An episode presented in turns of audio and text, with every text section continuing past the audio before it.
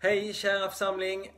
Eh, jag vill bara uttrycka min frustration över att behöva sitta framför den här kameran. Eh, jag vill inte det längre. Det är tråkigt detta. Åh, det är tråkigt att inte få, få träffa er. Och att inte få fira gudstjänst som vi brukar. Jag måste bara få uttrycka det. Att detta är inte roligt. Men eh, vi får göra det bästa av det. Vi får hålla ut. Eh, jag längtar efter er. Jag längtar efter att få träffa er.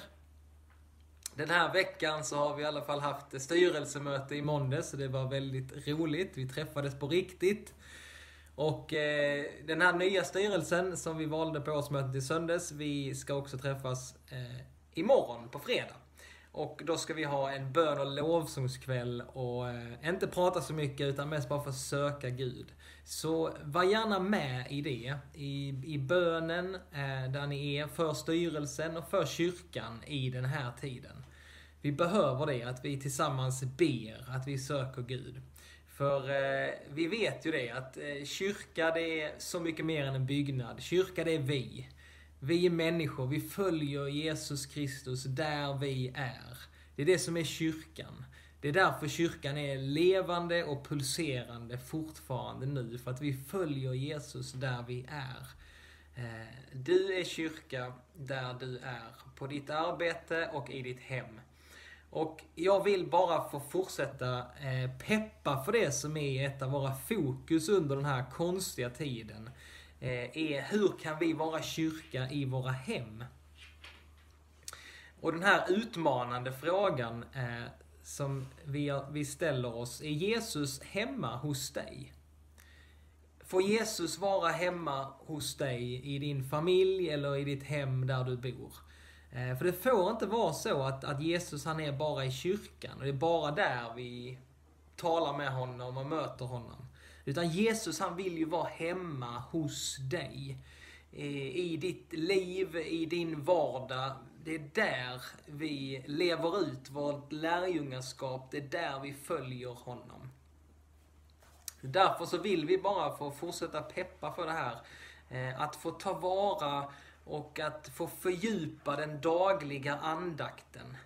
Alltså ta vara på den här krisen Eh, som är. Låt den här krisen få göra att du bygger upp din relation med Jesus. Så när krisen är över så har du blivit starkare i honom. Eh, det är verkligen vår bön och vår längtan att vi ska närma oss honom, att vi får leva ut vår tro i våra hem där vi är. Eh, så en stor uppmuntran till just den dagliga andakten. Ikväll så kommer vi också mejla ut ett församlingsbrev med lite information om, eh, från styrelsen och vad som händer framöver. Och där har vi också bifogat några enkla ordningar eh, som vi hoppas kan få vara till välsignelse. Eh, det är en ordning för att eh, fira gudstjänst hemma, hemmagudstjänst. Tänk alltså att vi kan få börja fira gudstjänst i våra hem. Kanske mitt i veckan eller kanske på söndagarna vi inte träffas nu. Men att Tänk om vi kan få börja det, sätta en ordning för hur du firar gudstjänst hemma i din familj eller tillsammans med de som bor hos dig.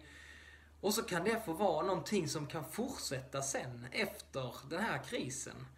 Att givetvis så kommer vi fortsätta fira gudstjänst på söndagar på Bruksgatan i Missionshuset. Men varför kan inte fira gudstjänst flera gånger i veckan? Och en gång i ditt hem?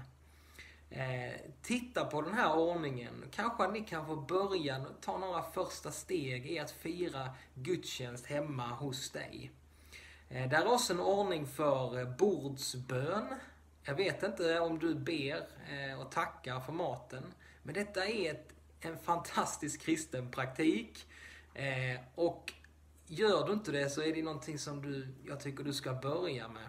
Någonting som kan vara en stor välsignelse, att bjuda in Gud mitt i vår vardag, mitt i vår verklighet och tacka honom för, för de gåvor som han ger oss. Där finns en liten ordning för bordsbön, där finns en liten ordning för aftonbön tillsammans med barn. Ehm, det är också ett utmärkt tillfälle just nu att få fundera över det. Ehm, och det är bara en kort vägledning, lite tips på hur man kan göra för att fördjupa den stunden tillsammans. Och eh, jag tror det, det kan betyda så mycket för barnens andliga utveckling. Eh, den här aftonbönen eller stunden tillsammans. Så titta gärna på det. Och sen finns det också en ordning för eh, daglig hänvändelse eh, som vi har använt här tidigare också. Det är en böneordning av Martin Luther. Eh, och skulle du behöva en skjuts i ditt, liksom, din dagliga andakten så ta gärna eh, och använd den. Ta hjälp av den. Det är en fantastisk ordning att följa och där kan man fylla på mycket också med, med sina personliga böner. Eh, så detta är en eh, uppmuntran och en hälsning att eh, få fortsätta den här frågan. Är Jesus hemma hos dig? Hur kan vi använda våra hem som kyrka? Gud välsigne dig så hoppas jag att vi ses snart. Och är det någonting så vill jag bara att ni ska veta att då är det bara att höra av sig. Allt gott så länge.